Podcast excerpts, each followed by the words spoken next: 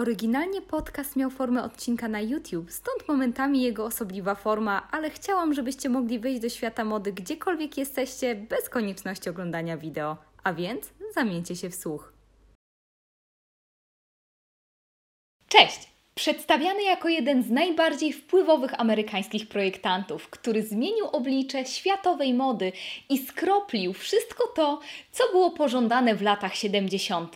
Dla jednych mistrz autokreacji, supergwiazda, humorzasty megaloman, a dla innych uroczy i skromny pasjonat. Przedstawiany często jako najbardziej wpływowy amerykański projektant, który jednak zmienił oblicze światowej mody i skroplił wszystkie najbardziej pożądane tendencje w latach 70. Dla jednych supergwiazda, mistrz autokreacji, humorzasty megaloman, a dla innych uroczy pasjonat skupiony na tym, co kocha najbardziej. W tym odcinku opowiem Wam o Halstonie. Jeśli chcecie dowiedzieć się, co wspólnego z Halstonem ma Liza Minnelli i wgniecenie w kapeluszu Jackie Kennedy, o tym już za chwilę.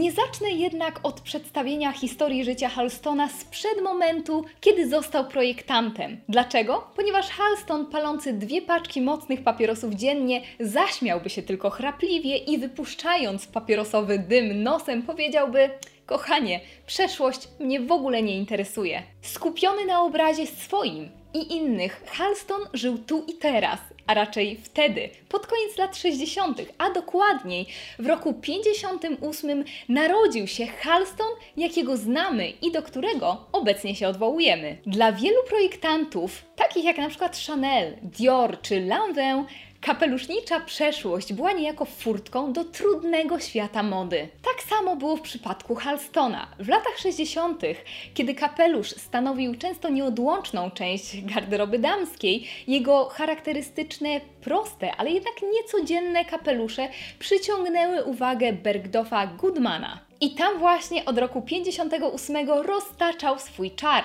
Ponieważ mu go w ogóle nie brakowało, potrafił znakomicie doradzać klientkom, często nawiązywał przyjaźnie, przez co ta rozpoznawalność cały czas rosła. Ale jak to w przypadku projektantów bywa, musiał nastąpić pewien przełom i nadszedł on w roku 61, kiedy Halston miał zaprojektować kapelusz dla Jackie Kennedy na zaprzysiężenie jej męża. Z wiadomych względów był to moment ogromnie ważny, nobilitujący dla Halstona, ale również dla samej Jackie. Wystarczy przyjrzeć się nagraniu z uroczystości. Jej styl stał w zupełnej opozycji do tego, do czego przyzwyczaiły nas inne pierwsze amerykańskie damy. Jej styl nie był bardzo wystawny, nie był nobliwy, wręcz przeciwnie, był modny, wyrafinowany i co najważniejsze, możliwy do naśladowania przez kobiety, które patrzyły na Jackie z zachwytem. No i oczywiście Jackie postawiła nie na francuską modę, tylko na amerykańskiego młodego projektanta.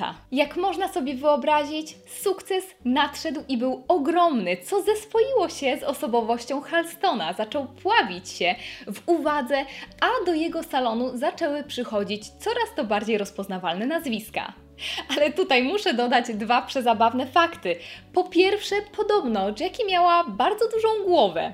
Miała bardzo smukłą sylwetkę, ale ta głowa była takiego rozmiaru jak głowa Halstona, więc podobno projektował kapelusz oglądając samego siebie w tym kapeluszu z różnej strony używając dwóch luster. A po drugie, w kapeluszu widnieje wgniecenie. Sam Halston w wywiadzie wspominał, że po prostu Jackie musiała je zrobić poprawiając kapelusz, a później oczywiście różne firmy kopiowały jego projekt właśnie z tym charakterystycznym wgnieceniem z tyłu. A jeśli mowa o sukcesie, za potwierdzenie niech posłuży czarno-biały bal z roku 66 Trumana Capote, który jest uznawany często za bal stulecia i właśnie na ten bal Halston zaprojektował zdecydowaną większość masek, chociaż sam nie był zaproszony. Chociaż istnieją plotki, że gdzieś tam się również przemycił, właśnie chowając się za maską. Apetyt Halstona rósł i tak w roku 68 postanowił zaryzykować i opuścił tę wygrzaną posadkę u Bergdorfa Goodmana i zdecydował się na otwarcie własnego salonu. Właśnie, parę słów o samym salonie, ponieważ po pierwsze był on zupełnie różny od tego, do czego przyzwyczaili klientki inni projektanci, a po drugie podobno całkiem nieźle zazębiał się z osobowością Halstona. Był kolorowy, ekstrawagancki, ale przy tym wysmakowany i przypominał bardzo intymny buduar, gdzie klientki chętnie przychodziły. Halston wiedział, jak budować swój wizerunek i wiedział, jak grać na pożądaniu, ponieważ wkrótce ten butik był najmodniejszym salonem w mieście i Halston zamykał go na czas lunchu, wzorem europejskich salonów mody. I właśnie wtedy można było zjeść u Halstona lunch w towarzystwie różnych artystów, racząc się nie tylko jedzeniem. I tak 2 grudnia 1968 roku Halston pokazał swoją pierwszą kolekcję ubrań. Kolekcja nie była duża. Prezentowała 25 sylwetek, ale właśnie one zwiastowały styl Halstona i stały się podwalinami jego kreacji. Końcówka lat 60. u Halstona zwiastowała ujęcie lat 70. w tym dyskotekowym szyku. Halston pokazał swój styl prosty, elegancki, ale też luksusowy. W pokazie wzięły m.in. udział Pat Cleveland, Marisa Berenson czy Nancy North i Halston był jednym z pierwszych projektantów, którzy zatrudniali nie tylko białe modelki. A jak było z tymi podwalinami stylu Halstona? Przede wszystkim był on kojarzony z absolutną amerykańską prostotą, z nutą, a raczej z bardzo dużą dozą prawdziwego glamour. Wiele kreacji nawiązuje wręcz do hollywoodzkich motywów z lat 30.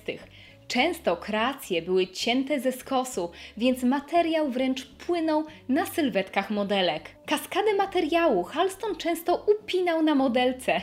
Widzimy tutaj bardzo duże podobieństwo do Madame Vionette. Niektóre z sukienek miały tylko jeden szef i można je było dowolnie przekładać, także jedna kreacja miała zupełnie inne formy. Halston to długie linie, geometryczne wycięcia, ukryte zamki, miękkość tkanin i plastyczność samych kreacji. To oczywiście również nagość, lekkość i zmysłowość, ponieważ ciało pod kreacjami Halstona było bardzo naturalne. Modelki oczywiście nie nosiły staników ze względu na wiele wycięć i to znakomicie wpisywało się w nurt disco. Jego kolekcja okazała się ogromnym sukcesem i otrzymał takie ostateczne błogosławieństwo od znanej trendseterki Babe Paley. Czekała ona kolejnego dnia rano pod salonem Halstona z życzeniem, żeby uszył dla niej kombinezon. I choć Halston wcześniej nie planował szycia na zamówienie, tak to właśnie się zaczęło. Szycie na miarę często kojarzymy z gwiazdorską elitarnością i tak, oprócz jego przyjaciółki Lizy Minnelli, w salonie zaczęła pojawiać się Liz Taylor czy Bianca Jagger, z którymi również nawiązał bliskie relacje, więc szył również na zamówienie i był kojarzony z wystawnym życiem. Halston miał również swoje aniołki Charliego, czyli oprócz modelek, o których wspominałam, takich jak Marisa Berenson czy Pat Cleveland, była również Karen Bjornson czy Angelica Houston. Halston doskonale wiedział, że znane twarze równają się prestiżowi. Często sam wspominał, że jest tak dobry, jak osoby, które noszą jego kreacje. Halston nie szył oczywiście jedynie wieczorowych kreacji. Prawdziwym bestsellerem stała się jego zamszowa sukienka za 200 dolarów, którą bardzo łatwo można było zmienić w kreację, w której można było pójść tańczyć do rana w klubach, bo właśnie taką zasadę wyznawał. Kreacje miały być proste i można je było również łatwo samodzielnie podrasować. Ale żeby nie było tak idealnie, dołóżmy do tego łyżkę dziegciu,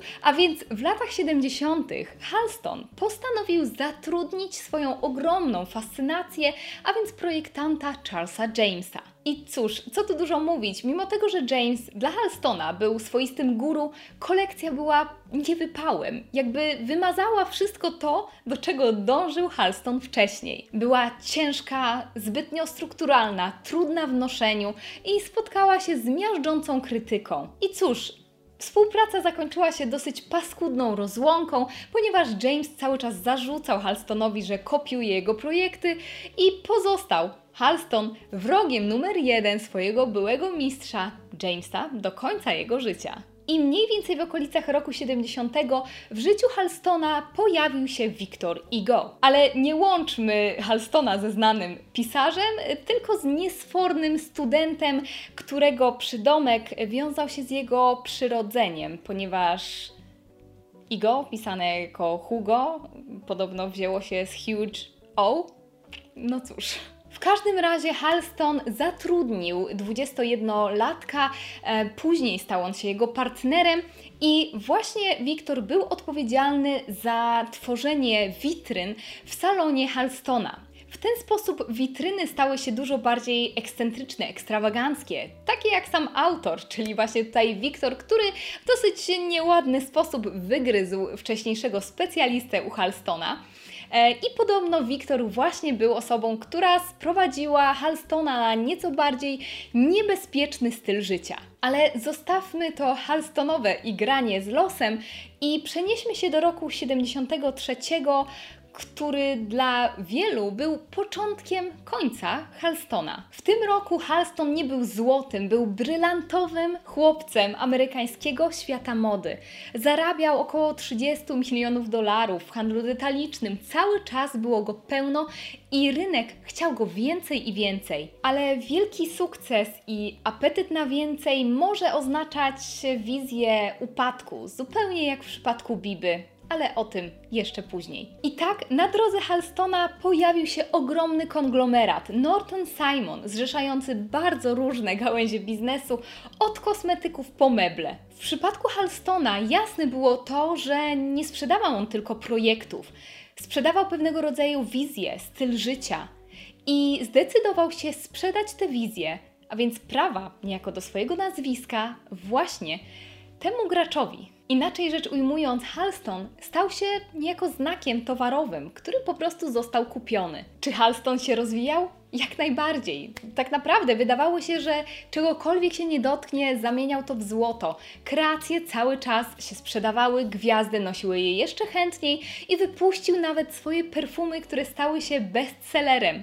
Były unikatowe, ponieważ hołdowały również jego stylowi, jeśli chodzi o minimalizm. Był to niezwykły, prosty flakon, który w swojej formie miał być niemal rzeźbiarski. Nie było tam nawet nazwy Halston, była jedynie wstążka z jego imieniem. W tym samym roku miała miejsce również bitwa wersalska, gdzie Amerykanie wytoczyli swoje działa przeciwko francuskim projektantom, w tym oczywiście był tam Halston, ale żeby nie marnować Waszego czasu, jest odcinek, który jest w całości poświęcony właśnie bitwie wersalskiej. Warto się z nim zapoznać, bo jest to naprawdę niezwykły moment w historii mody. Wiemy więc, że Halstonowi wiodło się wspaniale, więc teleportujmy się może do roku 78, ponieważ jak ze wszystkim, jest tego bardzo dużo, z czasem powszednieje, więc wydawało się, że Halston troszeczkę się przejadł, Era disco wciąż była silna, ale też ustępowała innym trendom. Oczywiście Halstona kojarzy się również ze Studio 54,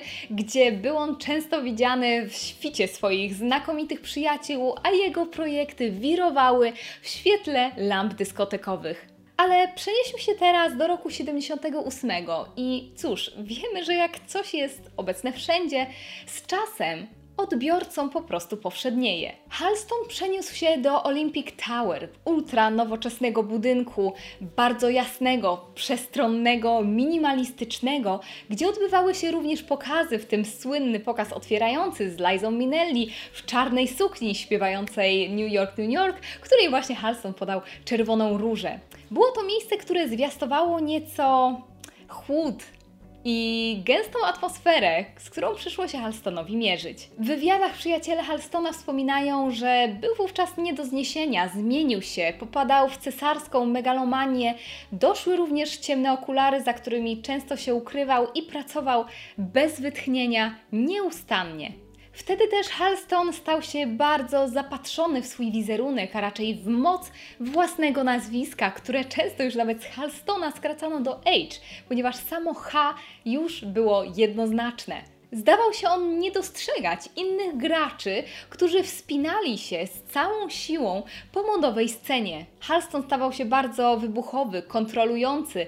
Bardzo możliwe, że przez to ile właśnie pracy tytanicznej nakładał sobie na barki, jeśli chodzi o produkowanie coraz to nowych, nowych projektów. Halston był więc ogromną machiną. Wystarczy tutaj wspomnieć o tym, że wysłał swoje modelki, właśnie te Halstonettes, do Chin, żeby promować modę właśnie halstonowską, amerykańską również, gdzie każda z tych modelek miała zaprojektowaną od A do Z garderobę. Modelki w wywiadach mówiły, że musiały zabrać jedynie bieliznę i kosmetyki. Ich każdy ruch był dokładnie zaplanowany. Każda wizyta była powiązana z daną garderobą, jeździła za nimi ekipa filmowa, filmowa, więc Halston był również bardzo mocno nastawiony na dokumentowanie rozwoju swojego domu mody, ale też samego siebie. Poważny cios dla Halstona przyszedł w roku 83, kiedy to S-Mark przejął Norton Simon. No cóż, biznes to biznes, można by powiedzieć, ale S-Mark był bardzo agresywnym graczem, pożerał wszystko to, co było e, na jego drodze, był prawdziwym rekinem, który jednak nie miał pojęcia o modzie. Wszystkim wydawało się, że Halston robi dobrą minę do złej gry, ponieważ kiedy zaproponowano mu na przykład zaprojektowanie kolekcji odzieży, dodatków, tak naprawdę niemal wszystkiego dla JCPenney, czyli bardzo taniego dyskontu, Halston się zgodził. Yy, wszystko to motywując tym, że on chce ubierać faktycznie każdego Amerykanina. I jasne, kolekcja dla JCPenney wciąż była bardzo dobra, została dobrze przyjęta, ale jednak nie tego chcieli odbiorcy. Wkrótce Bergdorf Goodman w ogóle wycofał się ze sprzedaży halstonowskich e, ubrań, ponieważ jakby to było mm, upadkiem z piedestału i troszeczkę zeskrobało warstwę złota, Rupert też tak uważa, z Halstona. I żeby to lepiej zobrazować, nagłówki gazet brzmiały wówczas From Class Tutaj trzeba wspomnieć jedno nazwisko, Carl Epstein, który stał się menadżerem S-Marka i co tu dużo mówić, nie chciał projektanta Divy. Chciał dobrze funkcjonującego zegarka. Zaczął zwalniać ludzi, zaczął sprawdzać wszystkie wydatki Halstona na świeże kwiaty, na podróże samolotem ze swoją świtą, na dostarczanie również na przykład samolotem obiadów dla Halstona. To wszystko właśnie chciał ukrócić. To była bardzo dobrze zaplanowana strategia biznesowa. Nie było tutaj mowy o miłości do mody czy do sztuki. Wyciekły później plany, właśnie Esmarka, na, scenariusze na każdy y, mo możliwy wariant zachowania Halstona, reakcje ludzi na zwolnienia. No po prostu była to czysta matematyka. Było to po prostu wyrachowanie biznesowe. Halston nie reagował na to wszystko dobrze. Co więcej, dostał policzek, a nawet chyba z pięści w twarz, kiedy zatrudniono młodszego projektanta, który miał pomagać Halstonowi z ogromem pracy. To oczywiście nie spodobało się również osobom, które zajmowały się wykonywaniem tych ubrań, więc był ogromny chaos e, i stracona została taka spójność e, Halstona, jeśli chodzi o samą markę. E, Halston, jeśli chodzi o przytłoczenie pracą, chyba pokazał wszystkim środkowy palec, kiedy raz po prostu nie wywiązał się z letniej kolekcji dla JCPenney. Miał po prostu dość. Letnia kolekcja dla JCPenney nie powstała? Żaden problem. Wykonał ją po prostu młodszy projektant. Możecie sobie wyobrazić, co myślał o tym wszystkim Halston. Podobno w roku 84 Halston wymienił zamki w swojej wieży ze złota e, i wkrótce później został wyrzucony z firmy, którą stworzył i która wciąż nosiła jego nazwisko. To po prostu łamie mi serce. Halston po prostu sprzedał duszę diabłu, został absolutnie bez niczego Później zajmował się również projektami indywidualnymi, ale stracił swój dom mody. Wkrótce później okazało się, że Halston jest chory na AIDS i sam skazał siebie na banicję do reszty swoich dni. Żył w odosobnieniu, nie chciał chyba wiązać tego, w jakiej sytuacji się znalazł, z tym dawnym glamour. W końcu, tak jak pamiętacie, był tak dobry, jak osoby, które ubierał. Na szczęście Halston i jego projekty przetrwały próbę czasu, są wciąż tak samo świeże, tak samo lekkie i tak samo ponadczasowe. Wystarczy wspomnieć chociażby o tym, że Halston był największą inspiracją dla Toma Forda i między innymi jego przełomowej kolekcji dla Gucci. Teraz życie Halstona będziecie mogli obejrzeć w nowej Netflixowskiej produkcji Halston, gdzie Ewan McGregor zagra właśnie rolę tego niezwykłego projektanta. Jestem bardzo ciekawa Waszych opinii. Co sądzicie o projektach Halstona? Czy znaliście jego historię? Co sądzicie również o decyzjach, jakie podjął? I co będziecie również sądzili o Netflixowskim serialu? Koniecznie dajcie mi znać w sekcji komentarzy na dole. Każdy komentarz czytam, na każdy staram się odpowiadać. Żeby żaden odcinek Wam nie umknął, uderzcie w ikonę dzwonka i subskrybujcie Freakery, żeby być po prostu na bieżąco. Obserwujcie mnie też na Instagramie, gdzie codziennie daję znać, co u mnie słychać, a my widzimy się przy okazji kolejnego odcinka Freakery. Do zobaczenia!